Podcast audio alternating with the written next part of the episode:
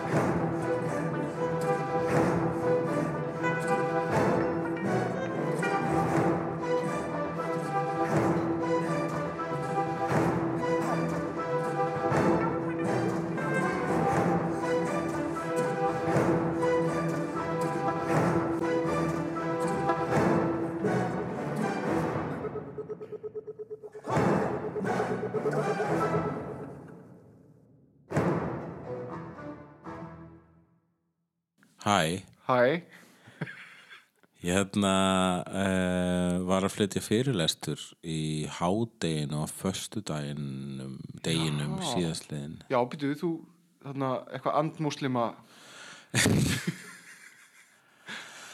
Uh, eða ekki bók, þú varst ekki m- málsflutningsmaður andmúslim heldur svona réttskoðun og, og, og, og þessi hamagangur í kringum Charlie Hebdo og, og uh, óttin við réttskoðun og já, þetta hét, sko, ég hef ekki að fletta sérna upp, þetta hét hérna uh, framtíð skops, típuntur, langtíma áhrif morðana á reitstjórn uh, Charlie Hebdo. já, ekki catchy titill Uh, nei, enda þessu til ég fletti þessu upp, ég man aldrei hvað það er. Ég skrifa, ég flutti fyrirlestur sem að var að hluta til grein sem ég skrifaði fyrir ára síðan og síðan restin var eitthvað sem skrifaði þann morgunin. já, Og ég var mest megnis sko bara að tala um í mjög víðu samhengi um skop og grín og hvernig það virkar, hvernig það virkar fyrir mig í rauninni. Þetta var persónulegt, ég kom dæmisögur úr mínu meginferðli og svo framvegis. Og uh, svo uh, talaði ég aðeins um, eh, basically það sama við tölum um í síðasta, var ekki síðasta hefnenda þetta? já, Og uh, hérna það að uh, hérna skopmyndir þessa tímarits varu ekki rasískar heldur raunni andrasískar en á svona sniðuðan postmodernískan öfugsnúin hátt Já. í einhverjum tilföllum bladi blí og blúdi blá. Og kom með fullt aðerum dæmum um hvað, hvað aðri grínist þeir hafa gert það sama taldi upp bæði hérna Söru Silverman og South Park og bara hlutverkið hans eh, Robert Downey í, Tropic Thunder og svo framvegis. Já, og hérna og uh, hérna endaði með þess að fyrirlesturinn listilega á kvóti frá Jeff Goldblum. Uh, fór ekki út í að reyna að gera Jeff Goldblum eftir Hermann þó að ég ætlaði mér að gera það en ég, ég gugnaði á síðustu stundu og bara svona, ég, mér langaði svo að gera þarna a, a, a inn á milli. En ég, ég hef sko tvísvar komið þessu eftirhermi í þessum þætti og það er alltaf bara svona alltaf svona döð mæti alltaf svona döðum augum. Nei, ég var alveg hleið allan að fyrstu þrjúskiptin það er ekki góð eftirherma, ég veit það. Ég veit ástæðan ég reyna alltaf aftur þess að ég náði henni einu sinni. Og svo hef ég aldrei náði henni aftur. Ah, ah, ah. Nature, ah, ah, ah Svona ég, ég gerir búst eitt Nature, ah, ah, ah, ah Finds a way.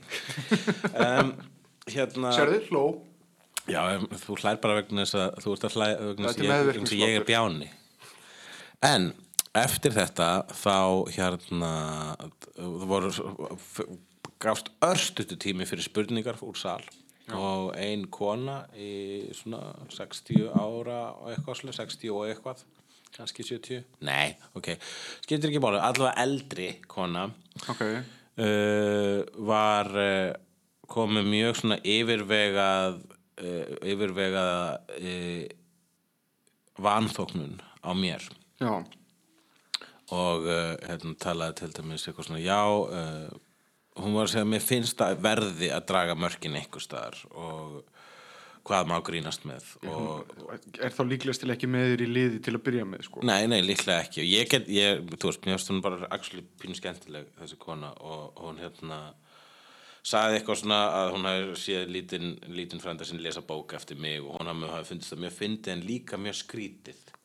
Og að líka að eh, hérna að hún hafi verið hlusta á viðtal við mig á rás 1 og það hafi verið sérstaklega aðvarað við e, málfarinu Já, Va- var að við bara þess að ára ásegi ég var hissa vegna að ég sagði alveg mjög hrottalegan hlut í þessu viðtali, þetta var rásætt síðustu helgi uh, í viðtali sem að uh, heitir uh, hérna, já, í þætti sem heitir held ég bara áhrifavaldar. Ég var að tala um áhrifavaldar mína.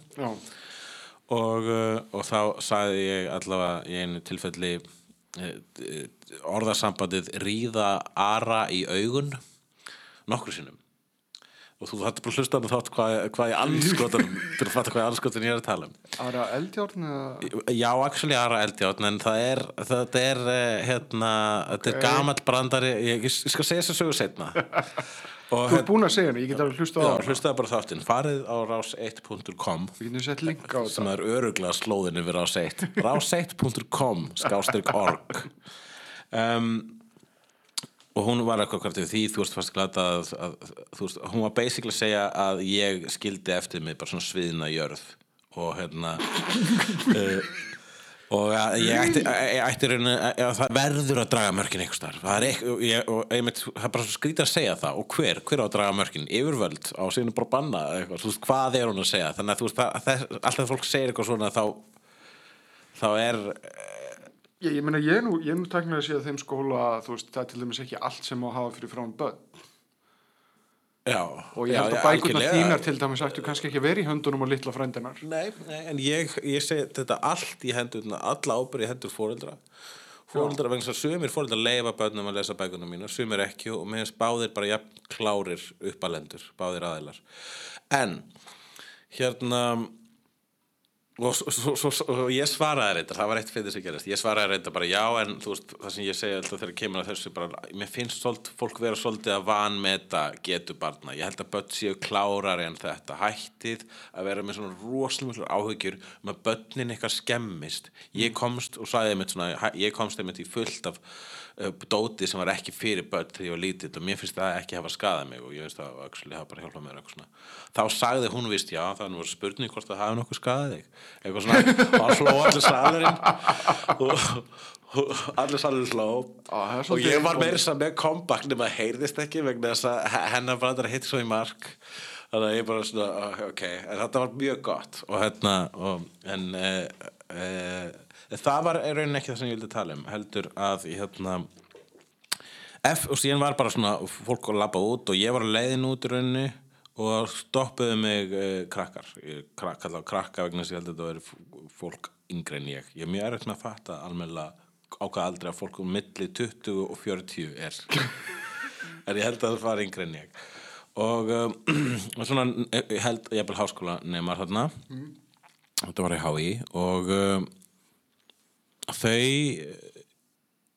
það, það, var eitt fransku strákur og síðan held ég því íslendingar tvær stelpur og eitt strákur.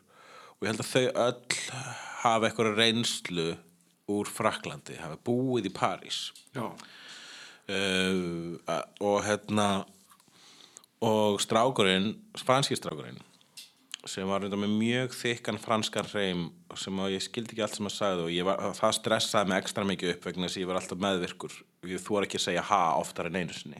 Vegna þess að það finnst mér að vandrarlega en allavega, hann sagði mér eitthvað um það að, hérna, að það væri fullt af rasískum tekningum í Charlie Hebdo. Ok. og bara og, og, og, og ég, ég, sagði, ég sá þær ekki. Ég, allavega, ég tók fram en ég hefði mátt taka betur fram í þessum fyrirlestri að ég var bara að tala um þær teikningar sem ég hef séð. Já, við erum heldur ekki diggu í, diggu í lesendur. Aldrei heyrt um þetta blað fyrir ná, þá. já, nokkulega og hérna og uh, þau komu lýsingar á einhverju teikningum. Ég þyrfti nú að sjá það til að geta almennilega dæmt um það en það, það hljómaðu alveg superrassískar sko. Og ég veit og hérna og síðan hérna tala að um, eitthvað eitthvað sko a, það sem að slá mig mest var eitthvað svona svona uh, rasist gegn uh, hérna, blökkufólki Ok, að s- eitthvað svona mjög stereotypiskar svona mannættu súpu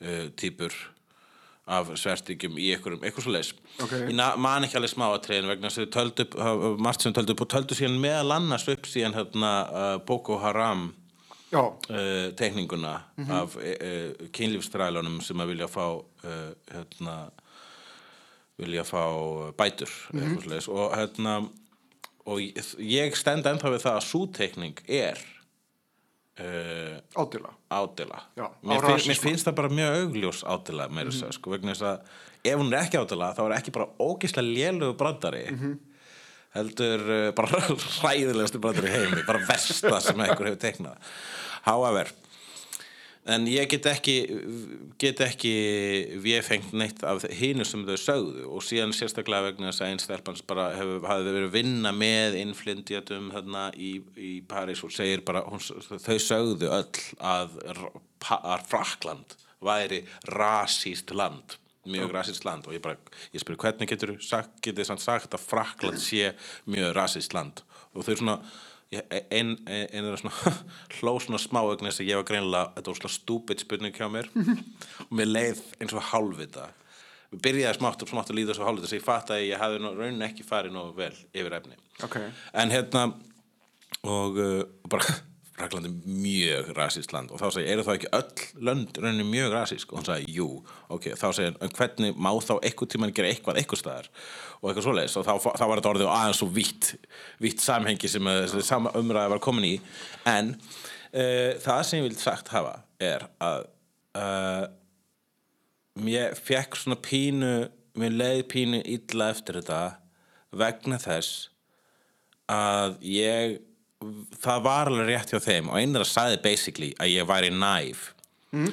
sem, er, sem er eitthvað sem ég oft sagt Það er starfstitill hjá þér? það er starfstill, já vissulega en það er sko það er miklu leðilega að heyra þegar ykkur annar segir það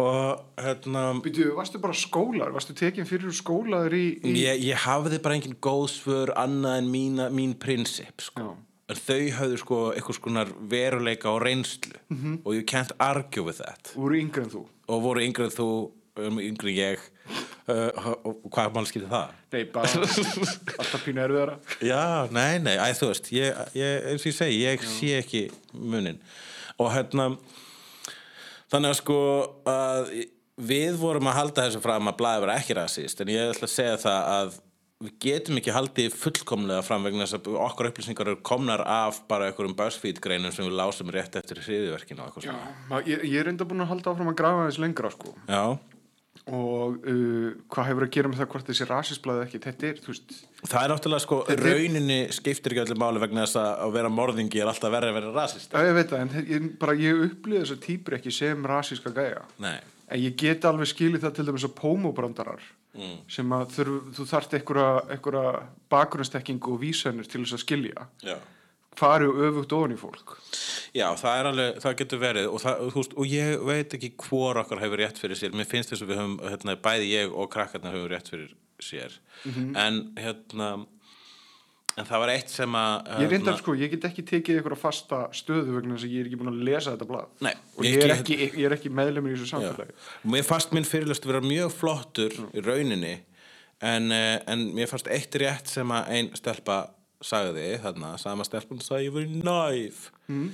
og að hún sagði að hérna, hún, var- basically svona vinsamlega að benda mér á að ég ætti að passa mig hvað ég segi e, hérna, vanda betur mál mitt þegar að kemur að þessu. Og það er alveg rétt. Þannig að ef ég flytt þannig fyrirlestur ykkur aftur þá held að ég myndi blanda inn sko, annarkvort myndi ég gera meira research um Charlie Hebdo sem ég myndi líklega ekki gera vegna að ég er mjög latur maður. Þannig að ég myndi freka líka bara svona setja inn í fyrirlesturinn þú veist uh, lýsa yfir vanþekkingu mínu á uh, utankomandi heimum. Já. Vegna þess að og það sem var líka bent á það sem krakkarnir bent á þetta voru rosalega rétt hugsandi liðmaður. Uh, hérna Ég held samt að niðurstöðun sé alveg að svo ég sama. væri rauninni hvítur hérna gaur frá Íslandi sem er sko verndaðasta og degraðasta land í heimi. I do not know shit. Þessi krakkar hafa allavega einhver þeirra hafa sko séð hérna rasismann og mismununa í París og í Fraklandi og annars staðar líklega bara með berum augum. Þannig að Nei, meina, við vitum raunin ekki skýt sko, ok, út frá þessu, ég meina, þú veist, að reytskoða brandar og ekki brandar, reytskoða uh, ég reytskoða grín hjá mér. Ég reyna að forðast ódýr, ódýr skot á konur. Svona lélega karlinum brandara eða, eða svona yfirbúskent hræðilegt nöðgunagrín eða eitthvað líka Ég forðast það ekki en ég segi ég það, svona það, er alltaf, það er alltaf kommentið er alltaf um hvað hvern fyrir litning er rauninni fáraleg sko og hlægileg í, í, í oft En ég meina, ég til að mynda, sko, þú veist, þegar maður er yngri og er ekki með reynslu af því að eiga í samskiptu við fólk og þurfa að taka ábyrð á orðum sínum, Mm. þá leiður maður sér svona hluti vegna þess að maður, þú veist, maður er ekkit búin að, að, að lenda einu veggjum með það. En eins og ég segi, ég reyna að forðast þetta. Já, ég meina, já, auðvitað. Já, áttu við, þú reynir bara að þú, þú ferð ekki sömulega og ég, þú ferð ekki bara hérna, reyn- einu sinni, sko. Nei, nei, ég held að ég sleppi því bara svona almennt, sko. Já. Vegna þess, vegna þess að, þú veist, það er svo auðvöld að miskilja. En sleppur því, þú veist, langar þið til að segja þá? Eða er, er, það ekki bara meiri þín, þú veist, þannig brandar að rata ekkert endilega í þín haus? Nei, þeir eru líka, ég held maður sé komin að kannski það stigum mitt að maður hugsar með sér, uh, þetta er ekki smekklegt, mér finnst þetta ekki lengur fyndið. Já, ég meina hommabrandar til dæmis homma og einmitt svona ljóskubrandarar og, og þetta, þú veist ég, það virkar það bara einfallega virka ekki vegna þess að uh, ekki bara vegna þess að það eru rángir heldur líka loksis er komin svona virðist vera allavega í okkar samfélagi eitthvað skonar hérna, uh, meðvundund, sameileg meðvundund um að það sé glata að segja þetta sko Ég líka sko, ég held að maður finni ákveðna samkend og samúð með öðrum minni hlutihópum sem nördi. Já, já, Sem er, þú veist, maður er ennþá karl og ennþá, þú veist, hvítur og ennþá með ákveðna privileges. Já. En einhver síður, þá, þú veist, það er, það er jaðarsettur hópur allan að framan af. Allan að um, Já við erum bara leitandi við erum bara leitandi og lærandi Já. og við erum líka hefnendur Hefnendur konur og sæði. Herður, nýr og, og, og endurbættir hefnendur. Já, Vegna þess að við erum uh, konir með uh, spons, já, það sem að- eins og að kallast í bransanum. Við erum komið með hérna, uh, patrón, komið hérna, velgjörðarmann mhm sem heitir Makland. Makland, góðu vinnu minn Já, mikill og góðu vinni. Þú ert nú búin að myndskreita fyrir Makland nokkru sinnum. Já, og hefur allt vantilega mjög góð viðskipti og samskipti við mjög góð. Þegar voru að björgað mér um daginn einmitt, hérna, um talva mín krassaði um jólin og krassaði síðan aftur uh, um jólin. Krassaði, talva mín krassaði tvísaður um jólin, er þetta ekki byrjun okkur lægi og hérna Uh, og, uh, og þeir ekki þeir hérna vildi reynda svo til að tölvan sem ég, gerði ég sæði búin að segja talva núna tvisvar eitthvað sem ég forðast mjög mikið ég, ég, gerði það einu svona alltaf en það er náttúrulega tölva. Um, og uh, mín var reyndar veikasta skítugasta ókýrslasta talva sem að þeir höfðu fengið. Þannig að þeir einfallega seldu með nýja tölvum vegna þess að mín var sko orðin bara dó, dó, ég, mín dó basically úr elli líftíminn var búinn. Ertu núna með svona shiny ég er með shiny MacBook Pro Retina. Ég sé það að þú ert bara búin að setja Green Goblin limmiða á hana. Ég ætla að halda limmiða þemaðinu mínimalist sko, ég var næstu búin að svona hulk, ég bæti hugsalega við hulk þarna eitthvað tíman vegna þess að það rýmar líka í Green Goblin sem er sko Tvo græna. tveir grænur og fjólbláu litir. Já, og hérna það var ég náttúrulega meira við þetta að ég hefði hulkinn sko vegna þess að ég er hulkleikur. En ég, hérna, já, nei, menn ég þekki þetta við einn reynslu við, hérna við skiptum við Makland þessi harðidiskur hérna uh, Porsche Design harðidiskur eða svona flakkari Já. sem ég tengd hann við sko. Þannig að að sækja skjöl. Uh, það er líka úr Maklandi Já, og svo er ég líka með hérna snúru, hlæðslu snúru fyrir síma minn sem Mhm. er líka úr Maklandi uh, ég, hérna, Makland hefur bjargað mér oftar en einu sinni og þetta er bara geðveik búð. Geðvig búð. Kefti iPad-i minna það er líka sko Makland, það er, það er í hafnafyrir líka skils mér. Já. en að það er hérna í, í miðbænum. Það er sko, það er eitthvað svona von við það mér fyllist pínu von um að hérna, við munum lifa af eftir allt saman að Makland sé í miðbænum vegna þess að svoleiðis búð var aldrei í miðbænum Mhm. hefur tekið eftir í hvern, mér finnst þess að það sé svona systematist samsæri gegn miðbænum Hefur tekið eftir hvernig hraðbankar eru búin að hverfa smátt og smátt úr miðbænum? Hvað er það? Okkur vantar hraðbanka. Já, ég veit það. Hvernig við kaupa eitilif ef við erum ekki með hraðbanka? Það er til apprendar sem að segja Já, ok, ég vona að það sé. Og síðan var ég að sjá nýjan hraðbanka rísa uh, neðarlega á lögaveginum. Rétt hjá Hlemmi. Mm, Nei, á Hlemmi. Hlemmi sjálfum, það var nýr hraðbanki að byrtast þar. já, Svona utanlíkjandi en ekki bara inni. já. En hérna, já, takk land. Takk land. Um, hvað er að gerast? Hvað er að gerast? Uh, það er nú ímislegt að gerast. Hérna, James Cameron var að ákveða fresta Avatar. Hún átti að koma næsta ári en verður, verður tafið þar til 2017. Ég er ekkit, að- sko, ég elska alveg Avatar, þátt fyrir þetta var bara, Pínu lígi samt. hæ, Það er pínu lígi samt ekki.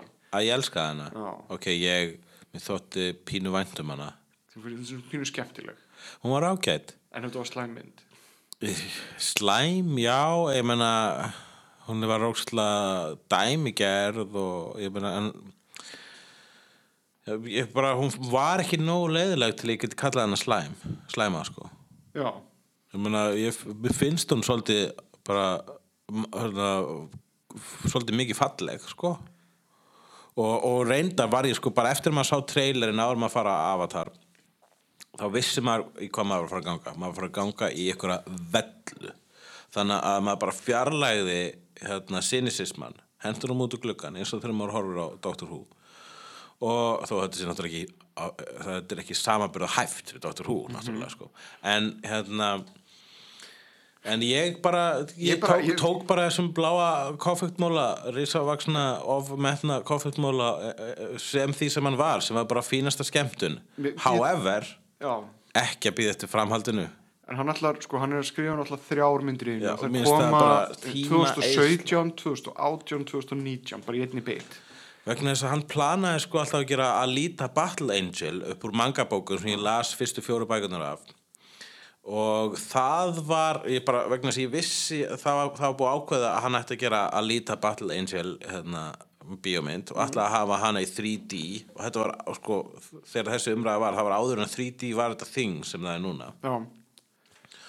Og, Já, hann ætlaði að gera, þú veist, það var annarkvort uh, Battle Angel Alita eða Avatar sem hann ætlaði að gera þessa leið, sko. Já, Og uh, vegna þess að Avatar var komið lengra á veg, þá stökk hann á þá list.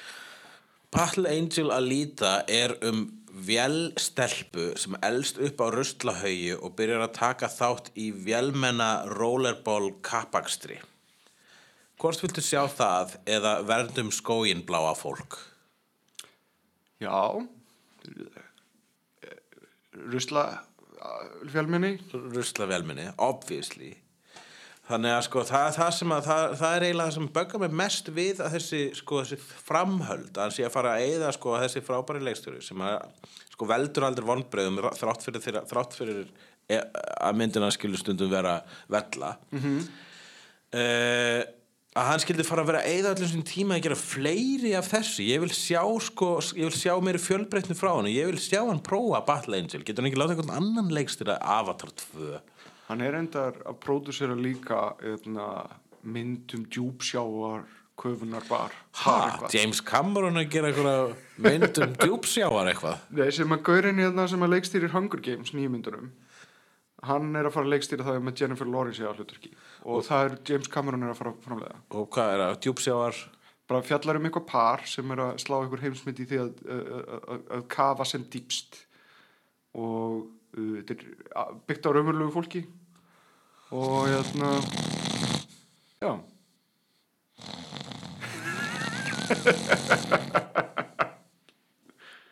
Og tapaði mér eftir byggt á raunvörulegu og bara sopnaði um leið. Já, en það verður öruglega eitthvað svona skemmtileg skrýmsli neðan sér var dót. En ef það byggt í raunverulega það verður ekkert skemmtileg skrýmslega það verður bara svona fiskar sem þú hvort þið séð David Attenborough myndum. En, uh, fleiri fréttir David Fincher hann er reyndar duglegur að hérna, skrá sig og, og, og tilkynna hinn á þessu verkefni en, en aldrei ganga alla leið með þau sko Já. þannig að ég býð spenntur eftir því hvort að það, verður, það rætist eitthvað á þessu en hann er semst búin að tilkynna það að hann ætla að gera endurgerð á kveikmyndir Strangers on a Train eftir Alfred Hitchcock Það finnst mér spennandi. Þetta er góð saga, þetta er frábær mynd Mhm. sem að hún fjallar í grunnatröðum um tvo ókunnuga menn sem mætast, eða hittast í lest Mhm. Og ákveða saman sín á milli eftir svona stutt áhugavert spjall að myrða aðila í syngkuru lífinu sem sagt, einn myrðir konu hins Já, já. og hinn myrðir eh, ek, Eitthvað, eh, konu hins sko. Óun hins eða yfirmann eða konu. Já, til þess að, sagt, að þá hafa þeir hérna fullkonu fjárvistasönni Já. Criss Cross.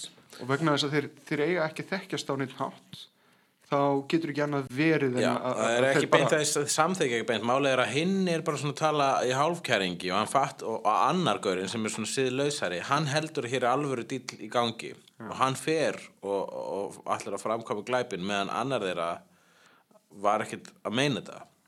Og þar, þar er tensjónið í myndinni, þar er baráttan sko. Já. Og sérstaklega þegar hinn fyrir að spá, ok, nú verð ég að gera minn glæpin sem ég samþykti annars alltaf þessi afhjúpa annars alltaf þessi að kenna mér um Mhm. vegna þess að eitthvað bla blú það verður spennandi að sjá hvað Fincher gerir við það vegna þess að hann mun örgulega bæta fullt að leirum að það. Já, það er óþörður reyndur að þetta vegna þess að þetta er góð mynd en hann ætlar að fá Gillian Flynn sem að ég skrifa held að sé alltaf að Gone endur Girl. gera vegna svona orðin sko 70, 65 ára þessi mynd svoleiðis. þannig að þú ert, þú, þú, það er obviously ekki að fara mynd frá 1951 er Já. í rauninni En hérna kemur húkurinn sko Málið það að hann ætlar að gera þetta með hérna, Gillian Flynn sem að skrifaði Gone Girl já og Gone Girl var ef, e- ekki nokkuð annað rosalega fallega smíðumynd Það er allavega sögurþráðurinn í henni er uh, hlikkjótur. Já síðan ætlar Ben Affleck að koma hann að Gone Girl gengið aftur komið saman. -hmm. og Ben Affleck er sem sagt að leika leikara Hollywood leikara sem er í hérna, Oscars sem sagt pumpstuði ykkur hann er að reyna að- koma sér einhvern veginn á framfæri. Og hann missir sem sagt af engaþóttunum sinni eða hún bilar. Þannig að hann fær far með engaþóttu ykkurs annars. Þannig að þetta er strangers on a, on a plane Mér finnst þetta vera dásamleg pæling. ég er svolítið að kaupa þetta En á ég segja hver er samt The Ultimate Strangers on a Train endurgerð. hvað? Það er myndin Throw Mama off the Train. Hefur þú séð hana? það er mjög mjög langt síðan Hún er eina mínum uppáhaldsgrínmyndum. Ég ætla að fletta hana eina stjörnu upp. Throw Ma Throw Mama from the Train með Billy Crystal og Danny DeVito frá 1987 á sínum tíma sko hún fara hérna 6,2 á Internet Movie Database hún á það ekki skilið, hún á alveg að vera ná, nær, miklu næri áttunni sko okay. En það er líka vegna þess að hún, þessi mynd var nást, nænst of smart fyrir sin tíma, sko. Þetta var, hún kom að þeim tíma þegar voru svona gaman, svona klárar gamanmyndir voru ekkert það algengar, sko. Fólki þótti það skrít, skrítið ef að myndir gáttu bara verið fyndnar og svona nett intellectual og skemmtilega kaltæðnar og djúpar. Uh, Throw Mama from the Train segir frá því þegar hann Billy Crystal leikur hérna rithöfund sem er ekki alveg nógu successful þannig að hann þarf að kenna svona rithöfunda back fyrir amatöra og einn af nefndum hans er leikinn af Danny DeVito sem er einfaldum maður sem er býr hjá móður sinni. Móður hans er leikinn af henni frábæru leikonu Anne Ramsey sem er í Goonies. Sem er af minnum uppáhaldsvonduköllum ever, hún var í Goonies mamma uh, mamman í Goonies eða illa glæpa mamman. Og hérna Fratelli var það ekki, mamma Fratelli. Og hún áleik sigur í þessari mynd sem versta mamma í heimi sem kú, kú, kúar son sinn andlega en er samt bara er veik á geði í rauninni sko og hérna þú dettur mjög snögt frá því að vera you stupid klutz yfir í það að vera oh Billy I love you. Og Já, hann hétir þetta hérna Owen Owen. Og hérna uh, og þarna eru um þetta sko þarna misk, e, e, e, þeir Billy Crystal kennarinn hans og, og Danny, Ja, nefandinn Billy Crystal gerir þarna og var díl við hann. Já, það gerist þessi sami dill og Billy hérna, og Danny heldur að hann er að drepa fyrirverandi konu Billy og Billy ásast að drepa mömmu Dannys. Og þetta er drullu fucking fyndið mynd. Ég ég hort á hann nokkru sinnum. Já, hann á DFT og þetta er þetta er einu mínum uppáhalds. Ég, er með eitthvað svona minningar af Billy Crystal í Billy Crystal í hérna, skriftímum þar sem hann er að kenna á já. og Danny DeVito les upp úr prósanum sínum og Það, var, það er eitt svona rauðu þári myndinu það, það að Billy Crystal er rithöður og fyrirvændi konar stál frá honum sko bók. Hérna, og, byrst hann undir sín nafni og var fræg fyrir það. Californication dæmi Já, akkurat, svona Californication. Og en hann er þá að reyna að skrifa nýja bók og er algjöru slömpi og í rítstýplu sem er eitthvað sem ég kannast við og sem þú kannast ekki við, við höfum rætt þetta áður. Ég veit ekki hvað trikk þú notar, þú reyndi að útskýra fyrir mér it does not register. Keep on writing How? og hérna en hann er alltaf að reyna að byrja á, á einhverju svaka bók og hann er alltaf að byrja The night was. Og svo hann er sko alla myndina að reyna að ákveða lýsingarorð. Mm. Night was moist The night was humid night was wet The night was svo bara kemst hann ekki lengra sko. Og þetta er ógeðslega fyndið það er nefnilega fyndið hvað maður getur látið þetta tefja sig sko. However, Throw Mom for the Train hinn ultimate uh, Strange svona train endurgerð þanga til að Fincher gerir sína. Uh, síðan er eitt ógeðslega skemmtilegt. Að hérna þú hefur lesið The Dirt Eftir- Já, já. það er Mötli Krú hérna uh, æfisuguna Ó, pff, nei, ég hef ekki lesað hana því miður, það er svo Níl Strásbók sem maður á að lesa Já.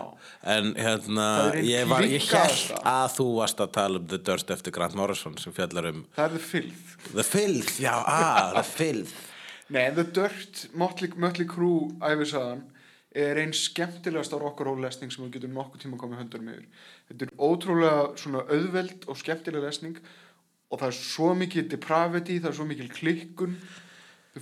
Bara fara svo langt og djúft að þú getur ekki lagt frá þessa bók. ég, Hún er á listanum mínum þessi bók. Ég las þessa bók og High Concept um hérna, Don Simpson. Já, okkur það sem Don Simpson er að kóka alla bókina. Já, bókstaflega með, með fjalla Það sem hann, hérna, ska, skambisur Það sem hann uh, kemur líka með uh, hugtækið uh, AMW uh, ha, Actor, Actress slash model slash whatever. Sem er svona ákveðin típa í Hollywood sem hann kallaði AMWs uh, She's an actor slash model slash whatever. Hérna, en aftur móti Jeff Tremaine uh, hérna, Jackass leikstjórin Já, hann er hérna, hann ætlar að gera mynd upp úr þessu ræfisug já og Johnny Knoxville að leika Tommy Lee það er bara góð spurning sko. Nei, ég held að sé hann orðinu gamall já, þetta er náttúrulega, þú veist, rétt rúmlega tvítur gaurar með Já. ógeðslega mikið peningum Akkúrat. og engan móralskan kjarna og ekkit sérstaklega svakalega hæfileika ég meina, þetta var Þetta er ekki besta þetta er hljómsveit í ekkit- heimi. þetta er ekkit frábær hljómsveit ég man, ba er, man bara eftir Dr. Feelgood og það er uh, það er bara vegna þess að En það sem að þeim um skorti í minnistæðum uh, sem að vera minnistæðar á sviði það bættu fyrir, upp fyrir með gengdurlösi neyslu og, og, og brjálaðislegum uh, offstage antics. Mhm. -hmm. þannig að þetta verður, þetta verður örgulegin klikkaðasta mynd sem hægt er að sjá. Akkurat. Hérna, hvað er máli með þessar sko 90s ljóskur og rockara er það kannski bara þess að rockarar voru þá þegar þær voru að svona Heather Locklear típuna já, Heather Locklear og Pamela Anderson. Þær allar alltaf að deyta sko þessa, þessa tattoo douchebags. Það voru TV-star sko. Já. Uh, Hva, hún sko hún, bara, hún veist, fór með, hún var með þess eins og með Kid Rock hún Pamela Anderson. Já. ég veit ekki af hverju það eru tengst þarna á milli. Kannski, þú veist þú veit ekki, trófí eitthvað ég, ég er ekki að tala um hversin þeir vilja sofa hjá þeim. Það, Nei, það er, þegar þær hafa rock stjórnu kærasta það er trófi Það er trófi Já, já, bara, já það er samt gamla sagan sko. já, ok, ok, þetta var stúpid spurning kemur, obviously. En ég meina að þú veist, geti verið að þetta sé bara brotið fólk einhvern veginn með, með aðganga öllu og, og, og, og er, hvað er við, hver er við að segja þessi brotið? Getum við dæmt þær? Er svo glatað að byrja með tattoo douchebag pínu. Erum við ekki bara Ef að þú byrjar við- með douchebag yfir höfuð eða allavega, þú veist Er þetta ekki bara nördabitur nokkar? Það sem nördar halda alltaf fram Akkur stelpur alltaf að byrja með hálfvitum? Já, nei, það er, það er allt annar hlutur. Og það er líka satt. Síðan hérna langar mig til þess að, að, að fá þið til þess að leiklesa hérna stutt hérna kvót hérna frá Paul Thomas Anderson. Já, ég að leikleisa stutt kvót Já. frá Paul Thomas Anderson. Sko málið er það að David Fear sem er hjá Rolling Stone spurði uh,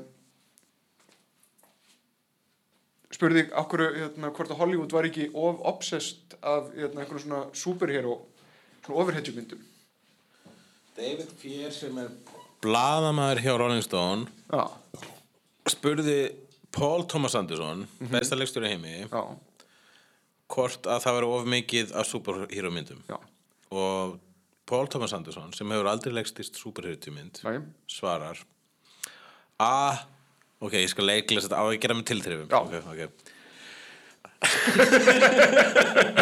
hvað, gefur einhvern ákveðin hreim eða? nei, bara svona Too hann er- many superhero sko. movies. Ah, that's such a fucking crock of shit. I can't remember a year in recent memory where there were less complaints about the quality of movies. And what's wrong with superhero movies, you know? I don't know. You're talking to someone who that enjoys watching those films. People need to get a life if they're having that discussion. Það kemur þetta laughs. Those meat movies get a bad rap. Já, ég meina þetta er alveg satt. Veist þið eitthvað fallegt við það er mitt að besti leikstur í heimi? Ég hef mann eftir tvei, tveimur skiptum nýlega þar sem að hérna, fólk er að reyna að ræða við mig um það að það sé of mikið á ofurhættumyndum og, og, og, lí- og sama fólk finnst þessar ofurhættumyndir ekki nógu góðar. Ég tek ekki þátt í þessari samræði. Ég bara, já, ok, gott er þér. Við núna skiptum um ræðefni eins og ég ætla ekki að fara að útskýra fyrir þér hvað er gott við ofurhættumyndir. Þú átt það ekki skilið, ekki, ok. Ég held að kjarnin í þessu sé samt Þú ætlar að sko það er pointless að reyna að sannfara eitthvað um að að hann, hann smekkur sér rángur eða eitthvað svona, þegar alltaf þegar einhver er ósamali mér um bíómynd til dæmis, fyrir utan þú vegna þess að gaman að rífast við uh, þá nenni ég ekki ég nefnir að eitthvað mér, ég nefnir mér ástu léleg bara, ó, ok, gott. Ég ætla ekki að samfara þið mannað þá er hún léleg í þínum heimi en í mínum heimi er hún dásemd og ég ætla að sjá hann aftur. Já, kjarnin í þessu er samt snobbið að ákveða að eitthvað sé verra en hitt en aldrei horfa það. Já, og einhvern veginn vera búin að loka sig af frá, frá svona ákveðum hérna Paul Thomas Anderson er að þessi gerð kvikmynda unnanda Mhm. eins og Tarantino sem horfir á allt. Hann elskar allt. Nokkulega og hann elskar að sjá það besta í öllu. Ég líka þannig að hérna, og það finnst mér vera akkurat rétt að leiðina því að horfa bíómyndir. Já, ég meina hvað, þú veist, ef þú ætlar að vera þú veist, þú veist, það, það er ekki hægt til dæmis að segja hluti eins og ég þól ekki svona myndir. Þessar myndir eru slæmar þessi típa myndum eru glötuð. Sko, ég finnst besta sam, hérna, mér hérna, besta svona sambarilegasta við í, í sögu kvikmyndana við ofurhýttamyndir eru vestrarnir. Mm. Þess að vestrarnir voru þarna á sín tíma og Já, það já, voru og síðan actionmyndirnar önnur mynd voru vestrar. Það voru líka action, 80s actionmyndirnar Já, 70 stórsleisa myndirnar já. Þetta er Þetta er bara siklíkal, þetta, þetta tekur, þetta er skeið, það tekur enda, Nei, nei, ekki segja það. Við, við sjáum til, say kemur, það kemur svona oversaturation, Já, það já, kemur, jú, jú, það mun vafalest gerast og, og svo mun þá bara koma síðan annað ofurheitu tímabil setna sko. kemur eitthvað annan dásanlegt og nýtt. Já, meina, þú veist og, bara, og, og, veist, og það er ekkert skrítið ofurheitur eru bara sko miklu stærri hluta kultúr okkar heldur en að við föttum. Þannig að þegar hérna, fólk er eitthvað sem finnst þetta að vera barnalegt eða einfalt það veit ekki hvað er að tala um vegna þess að ofurhetjur eru bara er rístúrt fyrirbæri sem er búin að fylgja mannkinninu frá upphafi. Eins og bara kölluð við þetta guði. Já. það er nákvæmlega sama sem að ofuriti höfundarnir eru að gera núna þeir eru að gera nákvæmlega sama Þeir eru bara að gera Her- sambærilegt þeir eru bara að gera Hercules sögur. við snorra þegar hann skrifaði snorra þetta Mm. að safnaði þeim sögum saman eða einmitt uh, hérna Homer þegar hann gerir kviðunar sínar og svo framvegis þetta eru ofurhetjubækur Mhm. vegna þess að einhver hluta vegna hefur mannkinnið þörf fyrir að sjá uh, hetjur hetjur eru náttúrulega all, allstaðar hetjumítan en að sjá hetjur sem geta gert meira geta, eru einhvern veginn betri heldur en vennilega maður. Það er eitthvað svona, ég held að kveiki í einhverju frum vonar neista þess vegna hefur, Þarf ekki að gera svona grettisögu overhedjumynd? það var eitthvað fínt sko, ef við gera hann almennilega. Já, uh, þegar hann er að glíma við uh, hérna glúm. Já, já. Held að það veri, það er flottur villan, sko. Við fundum upp Guði til þess að díla við þann frum ótta sem er óttin við dauðan. Við fundum upp trúabröð til þess að díla basically dauðan vegna þess að allt mannkinn óttast það að deyja. En ef það getur búið til sér einhvers konar von um að kannski er dauðin ekki endurinn, þá hérna, verður lífið bærilegra. Þannig að ímyndunafl og húmórin sem ég rætti í fyrirnefndum fyrirlestri er raunin bara svona varnamekanismi mannskeppnuna til þess að, að sturlast ekki í existensialískri taugaveiklun Ég held en nefnilega, sko, ég held að sögur hjálpa okkur að þróast. Já, ég held ég að held það sögur, líka. einmitt að, að vegna þess að við venjumst, þegar við gerum hluti oft og reglulega, þá venjumstu við Mhm. og það verður kvestaslegt.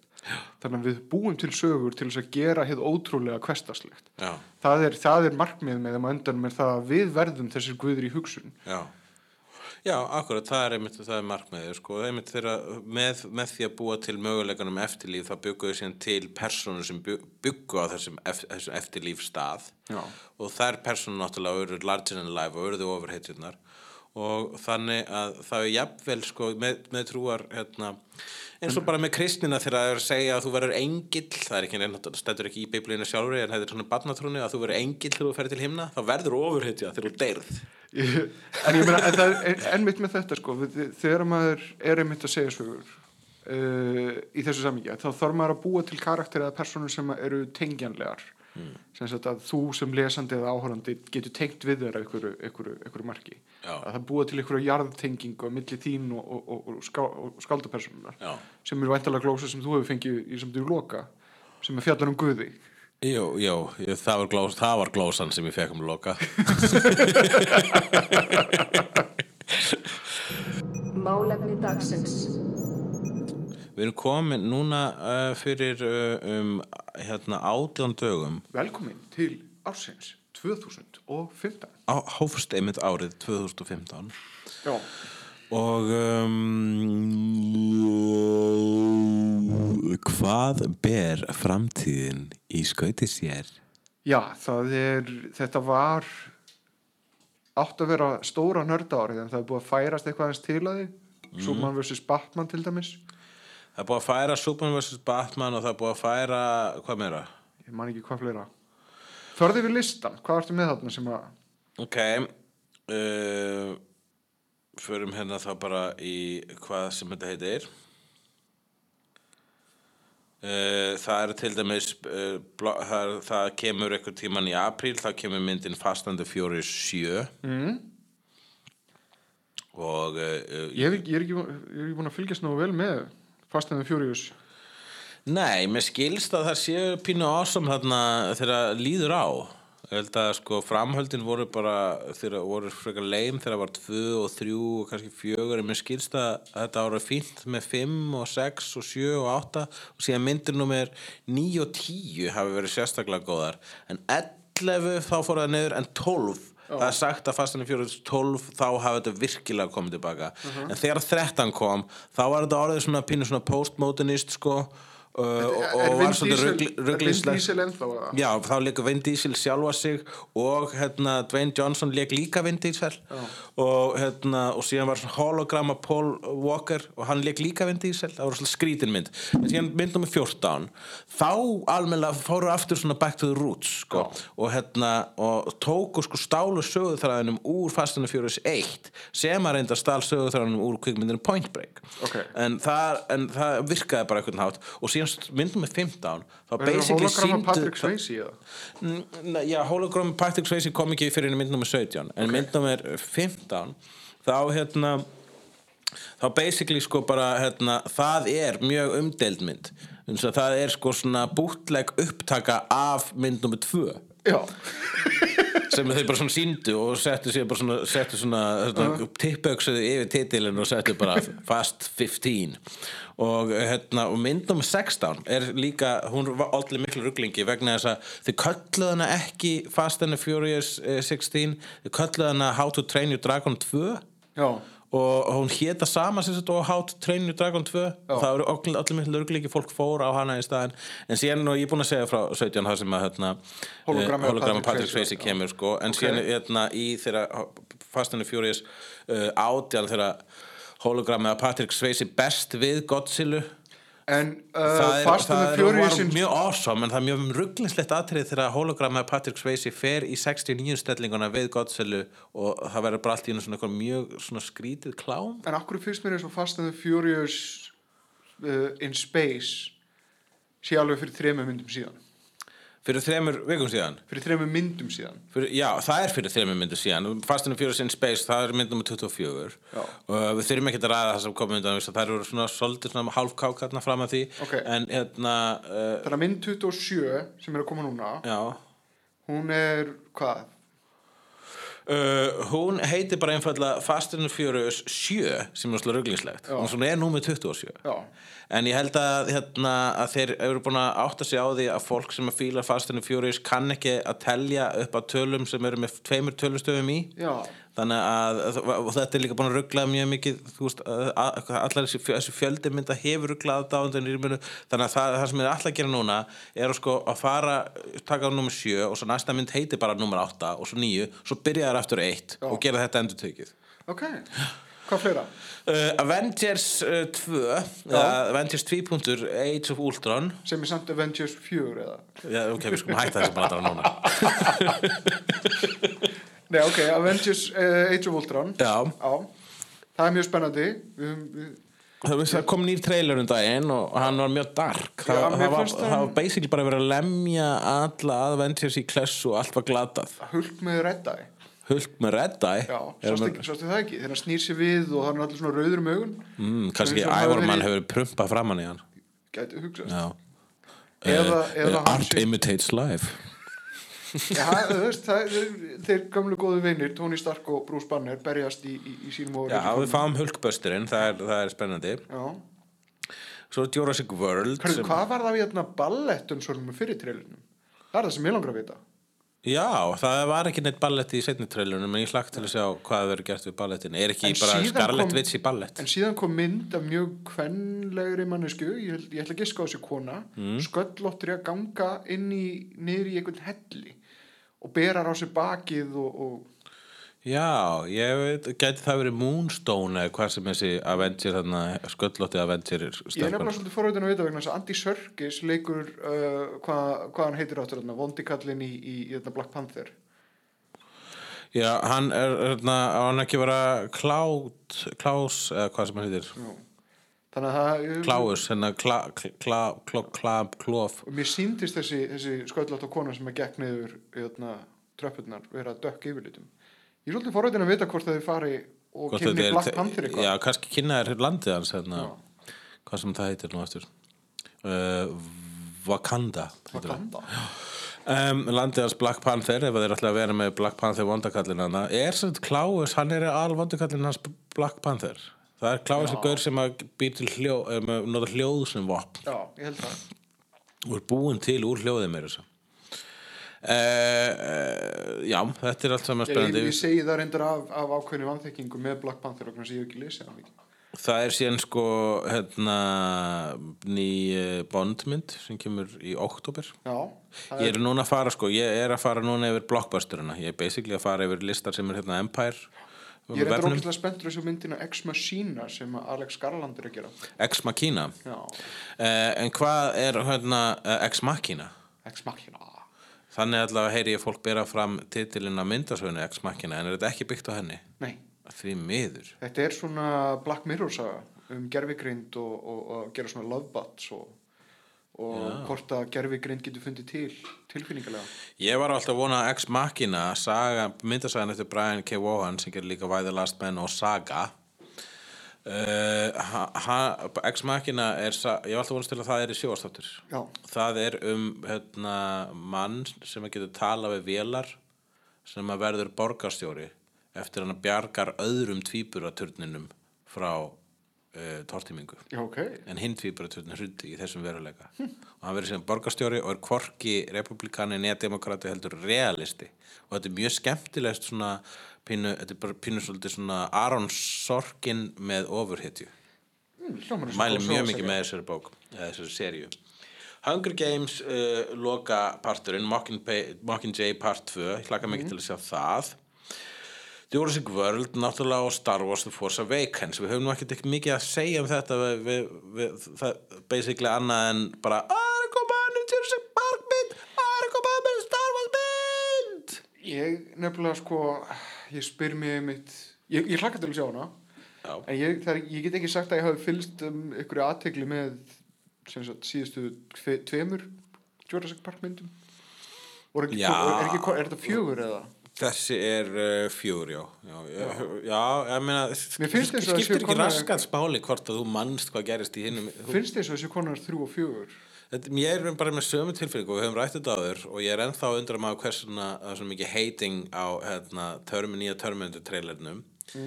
En uh, ég, mér finnst bara mér er alveg sama. Ég er bara ok, ég fæ ef ég fæ Terminatora að skjóta og drepa í. Terminator myndinni er ég sáttur. Ef ég fæ risaðalur að geta fólk í Jurassic myndinni þá er ég sáttur. Það er meiga alveg sökka þannig sé fyrir mér, það mun ekki skemma fyrir mig daginn Ok, Mission Impossible 5 um, hver er leikstir í henni? það lítur nú að vera ykkur áhugaverður. Hann er búin að vera duglegur að finna góða leikstjóra, eða allan svona forrætnilega leikstjóra. Brian De Palma og... Uh, Christopher McQuarrie heitir þessi Já, sem er leikstir það, þessi það er nú besti vinnur hans. það er besti vinnur Tom Cruise, já og hva, hvernig, er hann, hvernig er hann besti vinnur Tom Cruise? Hvað hétt aftur myndin sem hann leikstýrði með honum nýlega? Hvort að hann hafi ekki skrifað handritið að, hérna, að Valkyria Já, það var ekki mjög og skemmtileg mynd. uh, leikstýrt Já, hérna, var ágætt Hann skrifaði Edge of Tomorrow og hann skrifaði Jack Reacher og uh, leikstýrði Jack. Reacher, held ég. Leikstýrði Jack Reacher og Way of the Gun Já, sem er þarna skrýtna myndin með um, uh, Ryan Philippe og Benicio del Toro. Síðan Antman á liðinni Antman er að kemur, kemur í júli Fantastic Four. Er, hún lítur uh, ágætlega út. Þessi trailer, Trailer- eða teaserinn? Þetta er teaser, já. Það var bara pínu með já þannig eru teaserar. Nei, jú, nei, nei, nei, maður hefur sér teasera sem er bara, wow, maður Já. rafmagnast allir upp og fyllist spennu. Það er svo ógisla ógisla oft sem að fyrsti teaserin er samt segir rosalega lítið. Þú hlýtur að vita það. Já, en ég er að menna að það hafa komið teaser fyrir Age of Ultron Já, ég ætla bara, ég ætla bara að segja að ég er með vænt, ég held að þetta mun ekki sökka. Ég held líka, ég, ég býð spenntur þetta myndinni en mér fannst bara þessi teaser svolítið með Ég meina, þú veist, það er að. Já, mögulega Já, en ég meina, þú veist, já, ég var ekkert að meha neitt mikið yfir þessu en það er kannski bara vegna þess að ég gerði ekkert ráð fyrir að þau myndi sína mér eitthvað rosalega mikið. Mér síndum maður bara einn brandara og, og, og það var bara, ok, húmor, ok, sáttu við þetta, gerum þetta. Um, það er síðan uh, að koma, það er ennþá í, í start í hólunum er hérna Fantastic Four Já, er, eru að en, myndin sem Marvel er að dissa í drast Já, þeir eru að skjóta ykkur auka senu núna. Sum sé Fantastic Four er eina af þessum Marvel myndum sem er raunin ekki Marvel mynd það er að segja ekki Marvel Studios mynd þó svo að Marvel stimpilli munu koma hana fyrir framann en Marvel Studios er búin að vera pyrrað út í hvað? Sony? Já, nei, Þi- hvað, Universal kannski? Universal. Fyrir að hérna, halda, ríkhalda í hérna, þetta franchise og ætla að reyna að græða á því í stað þess að láta Marvel Studios fá það aftur. Þetta er náttúrulega bara það sem gerist þegar Marvel Studios fyrir langa löngu var ekki til og Marvel Comics gerði aldrei ráð fyrir því að þeir myndu fara að stjórna sínum myndum.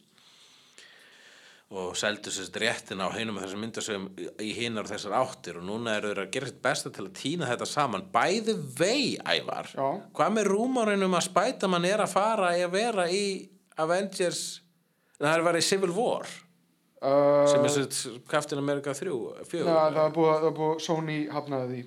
Sony hafnaði því. Fucking Sony. Sagði að þetta væri uh, byggt á miskilingi ah! ég vona einhver hakki aftur í Sony bara fyrir þetta. Hörðu, Fantastic Four er hjá 20th Century Fox. Ok. Og með, sem X-Men eru líka. Sem þýðir það að þeir eru með réttina að uh, Dr. Doom, Human Torch Invisible Woman, Mr. Fantastic The Thing, Nova Alicia Masters og Willy Lumpkin Já, þetta er bara karakter sem er algengir þarna í Fantastic Four sko. Nova er reyndar alveg frekar sjálfstæður sjálfur. Það er að koma hérna, framhald af Daniel Radcliffe myndinni The Woman in Black. Og hún á að heita The Woman in Black Angel of Death. Okay. Uh, Ég sá ekki Daniel Radcliffe myndina Woman in Black. Það var fín, uh, Já, en ekki af góðu klassíska. ekki ekki af góða sjóasmyndin sem er einu mínum uppáhaldsmyndum ever í heiminum. En uh, ég ætla ekki að sjá þessa frekar en ég ætla að sjá Daniel Radcliffe myndina. Og það er bara ákveð það, það, og ég, og málið er að þarna er pínu brjóta prinsip vegna þess að ég kýs að sjá allt til að tekka hvort þessu gott eða ekki en í þessu tilviki það bara er Woman in Black það er mér svo persónulega heilagt. Mm. vegna þess að þessi hérna, gamla sjóasmynd sem var sínd á rúf þegar ég var lítill hún eyðilaði sálina mína. Hún drap mig. Og og hún eitt- drap eitthvað þarna innra með mér og hún gerði það að verkum ég var myrk, myrkfælin og, og Woman in Black úr þeirri mynd er sko official sko búkimannin minn vegna þess að ef ég verði eitthvað á myrk, myrkfælin þá hugsa ég um svartklætu konuna að hún sé að standa yfir rúminu mínu. Ertu sem þetta gefið skýna að þú hefði kannski ekki átt að sjá þetta sem bara Nei, jú, algjörlega. Ég meina, þú, veist, maður á að sjá hluti sem fara illa með mann. Já. ég er bara á því. Ég er ókýrslega leiður og þetta fyrir aftur í það sem við vorum að tala um upphafið þáttarins. Ég er bara svolítið leiður á því að um að, að maður eh, veist þú veist, maður eigi, þú veist, vernd, þú veist, ég er mjög glaður Nú, að ég sá hluti þegar ég var lítill sem að sko hrættu mig sem að jafnvel trubluðu mig eða það sem við myndi kalla traumatiseruðu mann mér finnst það bara Nú áttu lítið frænda, ætla þú að fara að dæli hann svona einhverju, einhverju dökku efni þegar hann fær aldur og við til þess að lesa? Nei, nei, nei, en ef hann spyr, sko, ég átti einu svona, stjúpdóttur og hún vildi alltaf horfa ógeislegustu myndirnar mínar Já. Og hérna, hún var þá 9 til 11 ára. Og og, reynd, og hún var þannig alveg upp sko að hérna, hún var fyrstulega bara super klástelpa og, og hann hafa gaman að hryllismyndum og, býr, og er líka hluti af þessari nýju kynslu sem er miklu meira jaded heldur en við vorum. Og, og eru miklu meira savvy og streetwise. Já og þannig að ég leiði henn alveg að horfa og sumar bannaða myndir sko og mamma henn að gera það líka. En ég, hún spurði mér samt bara hvað er ógeðslegasta myndin sem nátt, ég ætla að horfa á hana. Og ég bara saði henn ekki hvað var ógeðslegasta annars hefði ég látið henn að horfa á Irreversible. Oh, Nei, nei, nei, nei, nei, nei, nei. En það eru hins vegar svona slashermyndur og slúst, mér finnst það bara saklaust og, og rauninni sko ef að ég er bara gladur að það er mynd þarna sem að stakk mig svona Já. sem að meiti mig svona mikið það Það er bara, ég, bara, ég, bara ég kann að meta að það sé til listaverkarn úti sem að hérna, kalla fram svona sterkar tilfinningar innra með manni þannig að ég verð aldrei fúll ég er bara glaður ef að ég verð hrættur En hvað fleira er á, á, á döfunni hjá okkur? Það er Insidious nummer þrjú. Ok. uh, Það er að koma einhver Frankenstein mynd það sem að hérna, James McAvoy leikur Frankenstein og, og Daniel Radcliffe fyrir nefndur leikur uh, hérna, einhvers konar Igor. Ok, og um, uh, Mo- uh, Mark Gatiss er að, skrifa þetta hérna, sem skrifa hérna, okkar, okkar maður úr League of uh, Gentlemen og sem hefur bæði skrifað fyrir Doctor Who. Og, og Sherlock. Og leikur hérna Mycroft uh, Holmes í Sherlock þáttunum Uh, það er að koma mynd í oktober sem heitir Crimson Peak og er leikstir af Guillermo del Toro mm. þar eru frábæri leikarar Jessica Chastain, Tom Hiddleston uh, Mia Wasikowska Doug Jones náttúrulega sem leikur í öllu Crimson Peak, er þetta, er þetta eitthvað svona daður við H.P. Lovecraft eða, eða vegna þess að hann er búin að gera Mountain of Madness í, í, í ógæslega langa Já, tíma? sko, það, hér er það eitt sem bugga mig við Guillermo del Toro. Við vitum af svona 5-6 verkefni sem hann ætlar að gera. Og við vitum aldrei hvað hann er að fara að gera næst. Um, og hann ætlaði að gera Mountain of Madness sem er byggð á sögu eftir H.P. Lovecraft. En það sem ég heyrði nýlega um hana hún er yrði PG-13 Ok, Já, ég sé það, ég skil ekki hvað svona eitthvað Lovecraft dæmi eftir að vera PG-13 ætla hann þá bara að hafa þetta svona eins og Hellboy eða eitthvað? I don't know. Það, ég, það, það er það allan mjög erfitt að gera eitthvað svona martröð alls mannkins með PG-13 Já, það er mjög ólöst hvað þessi Crimson Peak uh, mynd á að vera um en það verður eitthvað svona sillingur uh, vonandi. Og um, síðan eru hérna zombiur ekki að hætta uh, frekar fyrir daginn það er að koma mynd sem heitir Scouts vs. Zombies Ok. Því, það hún kemur á Halloween í bæ, hérna allavega í Evrópu það fjallar um skáta berstu zombiur og um, það kemur Pride and Prejudice and Zombies sem ég hlaka mikið til að sjá ég kefti bókina að byrja að lesa hana og hætti sem bara að lesa hana vegna þess að ég hugsaði ok, þetta er bara Pride and Prejudice með zombium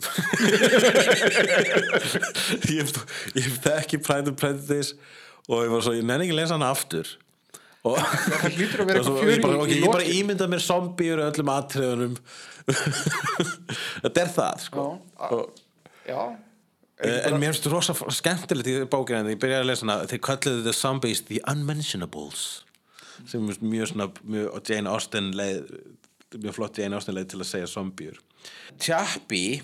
Chappie, ég er mjög spenntur að sjá hana. Já, við erum búin að tölum um hann mjög nýlega. Uh, og svo er að koma mynd sem heitir Tomorrowland sem ætlar að gera það á að vera eitthvað svona sci-fi Harry Potter. Uh, í staðin fyrir uh, broomsticks þá eru jetpacks. Og ég, ekki, ég, þetta, þetta er mynd sem að jötna, ég er sjúklega spenntur að sjá vegna þess að talentin á bakvið myndina sem sagt bakvið er þetta ekki Brad Bird eða eitthvað? Jú, Brad Bird er leikstýra. Já, ég sá, til mann, já, ég sá tíserinn Damon Lindelof sé að skrifa handrit. Talandi um tís, góða tíseri sem er ekki með. Já, Það var góða tíser. Tomorrowland. Það er ógeðslega spennandi. Uh, ég bara veit ekkert hvað er í gangi þarna og ég hef ákveðið það mitt að forðast upplýsingur um þetta. Þannig að ég er svolítið spenntur fyrir þeirri tilhugsun að þetta verði að það, þetta bara komi einhvern veginn fallega óvart sko. En hvað með myndina Pixels sem er byggð á basically YouTube myndbandi þar sem að hérna, þeirra gamlir retro tölvuleikir gera innrás á í veruleikan og, og alltaf þeirra sko, koma svona Space Invaders og Pac-Man og svona Já. og þau breyta allir í og pixla allt ok, Þetta verður mjög skrítin mynd og ég verður gaman að sjá, hvort hún virkar. Stillan sem ég sér voninni lofar eh, ekkit sérstaklega góðu. En við getum hugað okkur við það að Adam Sandler er í myndinni og hann er bara í góðu myndum. en Peter Dinklage er líka í henni. Um, svo er að koma mynd sem að heitir The Martian. ok og, það er vantalega Martian í jötna, Justice League. Ha, akkur, þú, þú veist allt um DC dasgrana, það er, það er ekki komin einn Martian, Mar, Martian Manhunter mynd ég, ég, gera, gera líflegt lí, og hann heitir líka Martian Manhunter. Já, já, já, já. það virkaði sko ekki sérstaklega vel, sko. The Martian? Hva, hvað er The Martian? Mér veist við ættum að halda áfram að tala um hvað þetta voru úkslega lélögu brandar uh, The Martian sýnist mér vera eitthvað sem á að vera lengstist af Ridley fucking Scott. Með Matt Damon? Já, Matt Damon. Og Sean Bean? Sean Bean er í henni. Og ef að byrja að veðja núna hvort hann deyri í henni eða ekki. Ég ætla að segja hann deyri ekki. Já. Ég, Donald Glover leikur líka inni ég ætla að segja degi Já, þetta er allavega Matt Damon leikur geimfara sem er á Mars strandaður og, hérna, og þarf einhvern veginn að lifa af. Bítu, bítu, bítu, herru, það er alveg, það er alveg fun. mókað einhverjum, einhverjum, einhverjum frægum hérna. Það er Já, og líka Jessica Jessica Chastain, Chastain. Kate Mara og Kristen Wiig. Já, já, Kristi Vik laka til að segja það. Á hún satt að fara að leika og Jeff Daniels og Chivetil Ejiofor Hæ? uh, Chivetil Ejiofor Já, guð hjálpa þér sem að hérna leiki 12 Years a Slave, Children of Men og hérna Já, í 2012 maður segir þetta og Chivitel Ejiofor Ejiofor Já. Og svo er hérna mynd sem heitir High Rise sem er eftir bók eftir J.G. Ballard sem að fjallar um rosa stóra blokk þekkir þessa bók eitthvað? Hvað? Rise? Já. Nei. En ef það er um stóra blokk, þá er það gaman. Ég er mjög gaman að blokkarmyndum. Die Hard, Attack the Block, uh, franska zombiómyndin La Horde, Judge Dredd og hérna, The Raid. ok, Flottar blokkarmyndir. flott blokk Flott blokk. Þessi top 5 mynd hans Chris Rock. Chris Rock að koma enn eina svona persónulega gama mynd. svo myndi búin að fá alveg geðveikislega góða dóma Já, ég get alveg trúið því, sko. alveg rosalega góða dóma Uh, það er Will Ferrell er að leika í mynd að leika á móti Kevin Hart í, í hérna, mynd sem heitir Get Hard þar sem hann leikur svona degraðan miljónamaring sem er að reyna og ræður svona ghetto-gaur til að gera sig harðan ok, já, uh, Entourage myndin er að koma. Ok. Það er náttúrulega bara ef þú þólar ekki Entourage forðastu þá mynd, ef þú elskar Entourage skaltu fara þá mynd. Uh, Ted 2 kemur. Það kannski hann geti aðeins hreinsað upp eftir að hafa skitið á sig þarna með Million Ways to, day, million ways to Die in the West uh, sem að hans hérna Seth MacFarlane. Ekki sérlega spennandi. Já, ég þarna mismælti ég segi, ég sagði alltaf Million Ways to Day in the West sem minni mig á minn uppáhaldsbrandara. Það var einu sinni Ástrali sem fór í Vilda Vestrið. Ó. og uh, hann situr inn á bar og er eitthvað svona hérna, að panta sér bjór. Og hann er svona, svona dannaður svona, svona dandy þessi Ástrali. Ok, og svo gengur harðast í gaurinu vesturinn inn á barinn, inn á salónið. Og svona, svona, svona sena það sem er svona ég get ekki hert eftir því þannig að það heyrist í spórunum hans meðan hann lappar hérna eftir viðargólfinu. Svo bankar hann í Ástralanum og segir við hann You came here to die. Og Ástralan segir No, I came here just to die. Uh, uh, Magic Mike Double XL ég þarf að fara að drífa mig að sjá þessa upprunalegu Magic Mike. Ok. Þú varstu búin að, minnast á hérna, uh, hvað heitir hún hann, Grace, Fifty Shades of Grey, já, Fifty Shades of Grey er að koma. Já, síðan er SpongeBob SquarePants myndin að koma, já, já, ég veit það, ég er ennþá í gama myndunum hérna. Ok.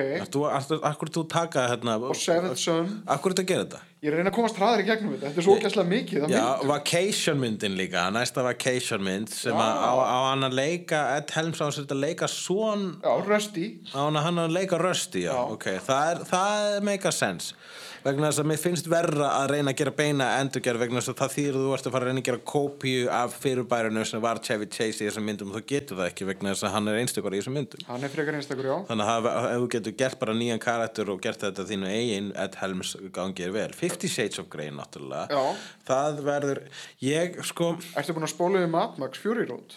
ég er bara, ég er með þetta allt hérna Ok. ég vil ekki bara treysta mér Ok, ég, ég, ég, ég fylgi þér eftir þetta. Ok, Fifty Shades My of Grey Captain, My það, eina, það sem, það sem, bögga, það sem að hræði mig við þá mynd er það að, já, fyrstulega ég mun ekkert vera fyrir vonbröðum sem léleg þetta, þetta skipar ekki stóra sess í hjarta mínu þetta fyrirbæri en ég hef gaman að, ég vil þú veist, góð erotík mishefnast svo oft, það verður svo sjaldan til. Það verður erotíska myndir sérstaklega bandarisk, mynd, bandariska myndir það verður alltaf svolítið svona styrðar svolítið klaufalegar vegna þess að þeir þóra aldrei að ganga alla leið.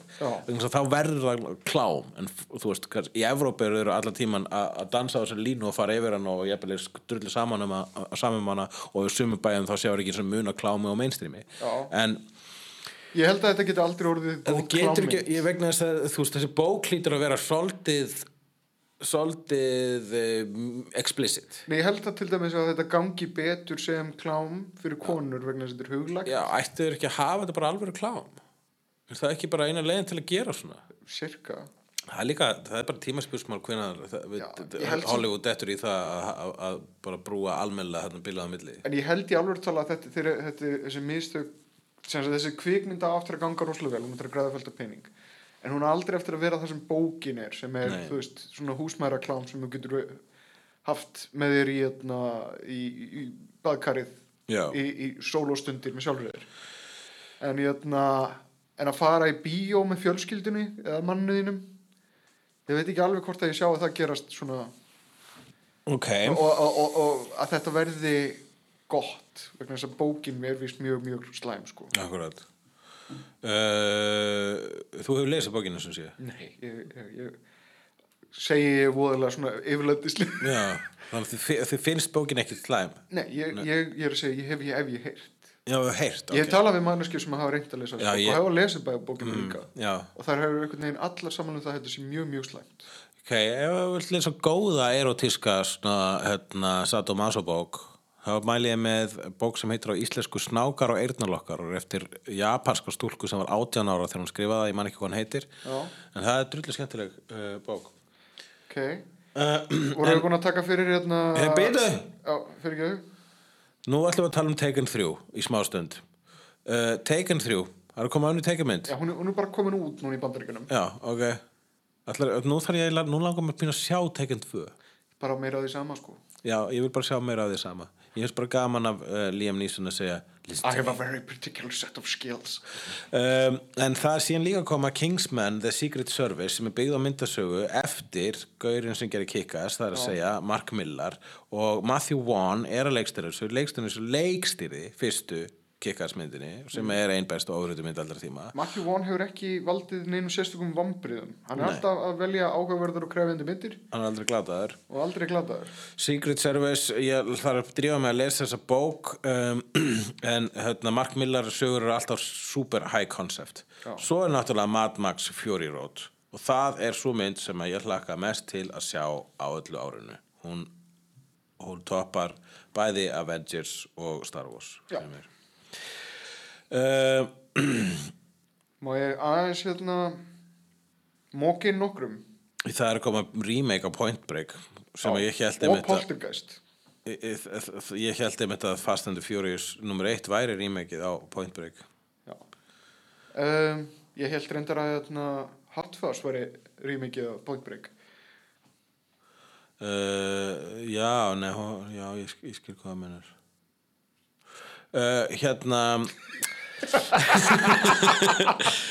Svo er að koma Shaun the Sheep bíómynd það er að koma Spongebob, önnur Spongebob mynd og svo er að koma mynd sem heitir Monster Trucks. Þú reykaður ekkert á poltergeist rýmikið það er ekki, er það að koma í ár? Já, Já, það er ekki, hérna, komið strax á mínum lista.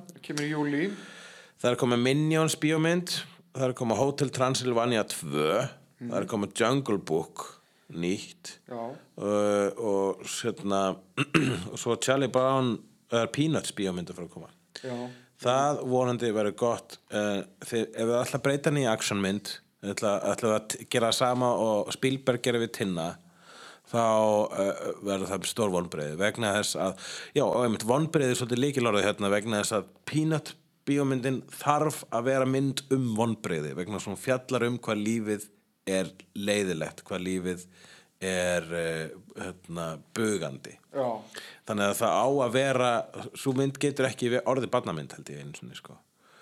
Alltaf ekki fyrir börn í dag sem eru vön bara svo háu kalibari af action og, og og flugaldasýningum Svo langur listi maður. Nú það er að koma hérna önnur eh, Divergent mynd, Insurgent heitir hún. Það verður eitthvað fyrir Divergent var fín, já, Divergent var mjög skemmtileg Pitch Perfect 2, ég lagt til að sjá hana eins og ég elskaði Pitch Perfect 1 sem er basically uh, uh, hérna, Glee nema skemmtilegt. Mér varst ekki nú að workaholic skæðanum það verður, hann, hann verður meira í næstu. Já, Gem and the Holograms það og Holograms Það verður gott. Það verður gott. Það er að koma uh, öskubusku mynd með hérna stelpunni sem er sætastelpan úr hérna, Downton Abbey hérna hérna Everest eftir Baltasar Kormák Já, ég hlakka sjálfsögðu mjög mikið til að sjá hana því ég elska Baltasar Kormák.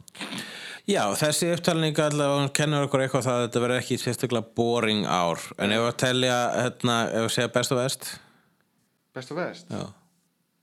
Ok Ert þú með best?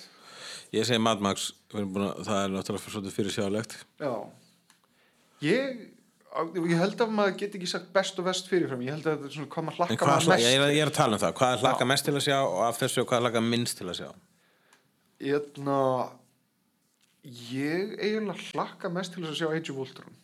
Já, en, en svona ég er aðalega kannski að reyna að bæla niður eftirvæntingu fyrir Star Wars. Já, akkurat. Við, það er svolítið skrítið að hugsa til þess að segja koma Star Wars mynd sem lítur út þessu Star Wars mynd. Það er svolítið erfitt sko Já, ég, ætla alltaf að segja best sko Mad Max en ég tek alveg, þú veist, en uh, Avengers 2 er a close second sko.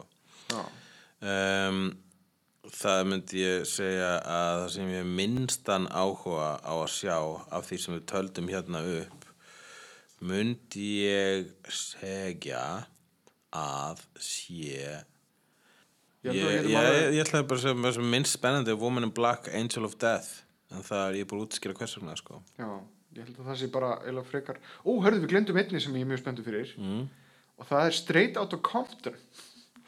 Já, er það myndin um hérna, NWA Já, Já, ég er svolítið, svolítið svag fyrir henni. Um, sem að svonur Ice Cube leikur Ice Cube. Já. Já. Hvað er svona hvað er mjög óspennandi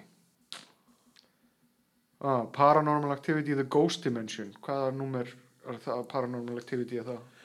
Ég held að sko Paranormal Activity Ghost Dimension er enda titillin á Fast and Furious 21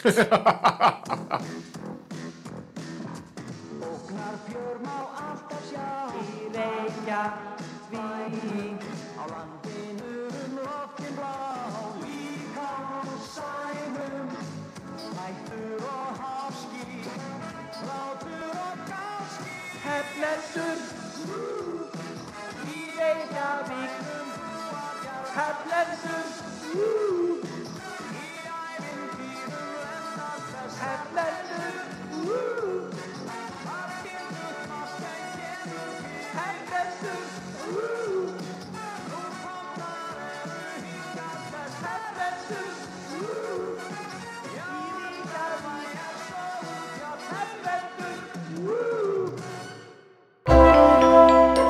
Þú finnur fleiri skemmtilega alvarpstætti á nútímin.is. Takk fyrir að hlusta.